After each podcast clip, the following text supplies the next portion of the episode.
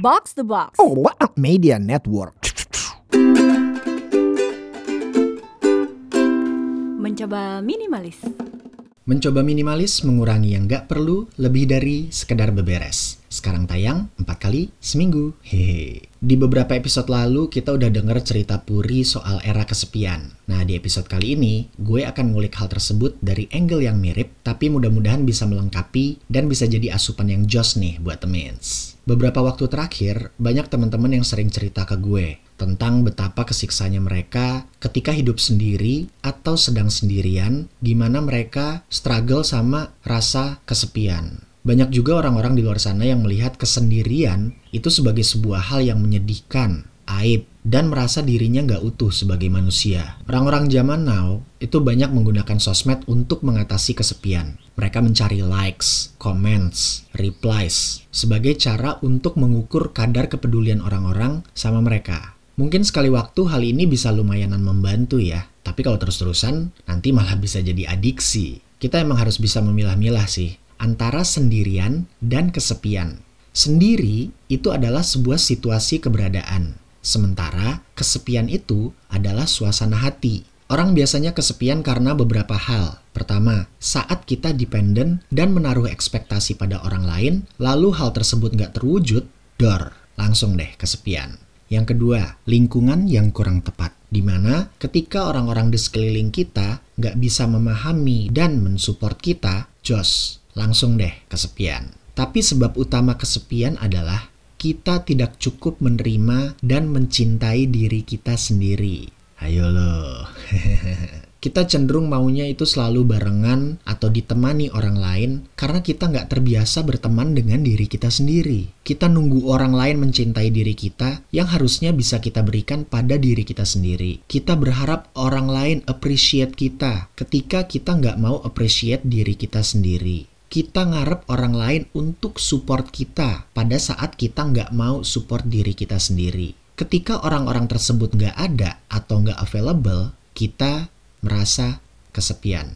Dan yang paling ajaib adalah banyak orang-orang yang walau sering dikelilingi oleh mereka-mereka yang caring, helpful, seru, asik, dan lain-lain, tapi tetap bisa merasa dirinya kesepian. Dari pengamatan gue pribadi, kita selalu didoktrin bahwa hidup haruslah berpasang-pasangan, bahwa tiap orang harus menikah, berkeluarga, memiliki anak, barulah afdol. Berabad-abad doktrin tersebut diturunin, sehingga ketika seseorang menghadapi situasi di mana dirinya hidup sendiri atau sedang sendiri, hal tersebut membuat mereka merasa dirinya nggak lengkap atau nggak utuh sebagai manusia. Dari sini kita bisa lihat bahwa perihal kesendirian itu adalah soal mindset dan bagaimana kita menata diri dari hari ke hari. Ini gue mau share situasi hidup gue. Dari kecil, gue jarang ketungguan sama ortu gue. Mereka dan adik-adik gue itu sempat hidup terpisah dalam kurun waktu yang cukup lama. Gue di rumah biasanya sama mbak doang. Rumah gue jarang didatengin temen, lebih sering gue yang main keluar soalnya. Itu pun selalu jelas ya agendanya. Gak pernah tuh gue caps keluyuran dengan alasan di rumah sepi. Dari kecil sampai sekarang, banyak hal-hal yang biasa gue lakukan sendiri. Dari mulai baca buku, main game, olahraga, dan banyak hal lainnya. Kalau soal kesepian, gue sendiri pernah kok merasa kesepian, walau frekuensinya jarang ya. Biasanya gue itu baru bisa merasa kesepian paling kalau lagi sakit ya, atau nggak enak badan. Itu juga biasanya udah teratasi tuh, dengan ketemu panadol ijo atau obat batuk cap ibu dan anak. Sisanya kesepian atau loneliness itu nggak pernah jadi isu sih buat gue. Gue kadang juga suka mikir, kenapa ya gue hampir nggak pernah merasa kesepian setelah gue telaah ke diri gue sendiri, gue melihat bahwa gue tuh selalu fokus exploring hal-hal baru yang menarik buat gue. Waktu gue itu jadi banyak terisi buat diri gue sendiri dengan ngulik berbagai hal, mulai dari film, musik, literatur, subkultur, sports, skena digital, dan banyak hal lainnya.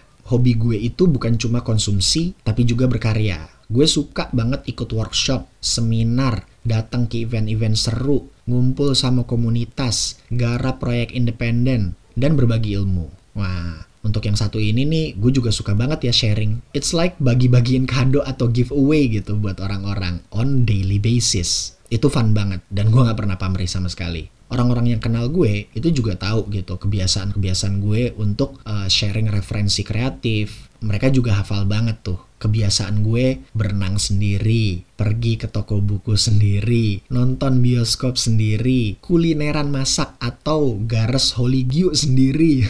Banyak deh. Dengan ngelakuin hal-hal tersebut, I'm filling my own vessel with love. Dan hal-hal tersebut juga lah yang gue rasa bikin gue nggak pernah kenal atau jarang berurusan dengan yang namanya kesepian. Menurut gue, the perks of being alone itu salah satunya adalah kita tidak akan berhutang apa pun sama orang-orang, terutama hutang kebahagiaan. Ini penting banget karena dari sekian banyak hutang yang kita bisa atau mungkin miliki, hutang kebahagiaannya itu paling gak enak guys bayarnya. Bingung bayarnya pakai apa biar impas. nah, berikut ini tips untuk uh, menghadapi kesendirian agar kalian gak kesepian. Wis. Pertama, buat daftar atau checklist hal-hal yang kamu mau banget explore sendiri. Kenapa pakai banget? Karena biasanya kalau udah banget, kalian akan fokus terhadap hal tersebut. Kedua, Coba dialog sama diri sendiri dan dengerin suara diri. Gak usah nunggu orang tanya kabar kita. Kitanya aja dulu yang tanyain kabar diri sendiri. Ajak ngobrol diri sendiri. Jangan khawatir dibilang gila. Kan ngobrolnya juga bisa di kamar atau sambil coret-coretan. Ketiga, kalau rasa kesepian lagi melanda, rasakan dan amati aja. Gak perlu larut di dalamnya. Oh, gue kesepian karena gini-gini-gini nih. Berarti gue mungkin bisa coba gini-gini-gini nih. Nah, jadi embrace loneliness itu wajar dan normal. Tapi jangan bablas jadi baper ya. Kalau emang udah gawat kondisi mentalmu, cari pertolongan profesional. Jangan lupa untuk sebelumnya minimal cek attachment stylemu. Ada empat macam tuh, silakan diulik. Minimal, temins bisa kenal diri sendiri. Keempat, jadilah observer. Amati hal-hal di sekitarmu. Enjoy small things. Enjoy the quiet. Ulik yang kira-kira menarik atau berpotensi jos, lalu cemplungin deh dirimu ke situ. Kelima, being alone bukan berarti kita nggak bisa interaksi ya. Karena biar gimana pun kan kita makhluk sosial. Jadi, relasi sama teman, kolega, komunitas, ya itu emang harus tetap dijaga. Yang perlu dikonsider cuma satu, kita jangan depend atau berharap mereka available terus untuk dalam tanda kutip mengisi kekosongan yang ada. Karena kalau dilihat-lihat lagi, seasik-asiknya teman atau bahkan pasangan, kalian tetap perlu punya space buat diri sendiri. Karena kalian bukan gancet kan? yang terakhir, dengerin podcast MM.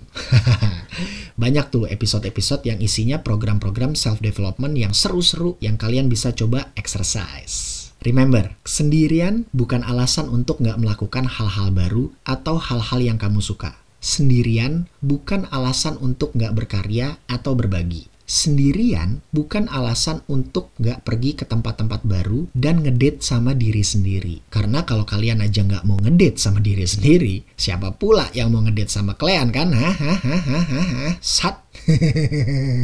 Episode ini akan gue tutup dengan quote dari bukunya Rupi Kaur yang judulnya Milk and Honey. Loneliness is a sign that you are in desperate need of yourself. How you love yourself is how you teach others to love you. Fall in love with your solitude. Itu tadi beberapa tips untuk kamu yang sendiri agar nggak merasa kesepian. Mudah-mudahan bisa membantu Temins ya. Di episode selanjutnya, Temins bakal ketemu Puri lagi. Stay safe semuanya. Avo Chaps. Mwah. Mencoba minimalis.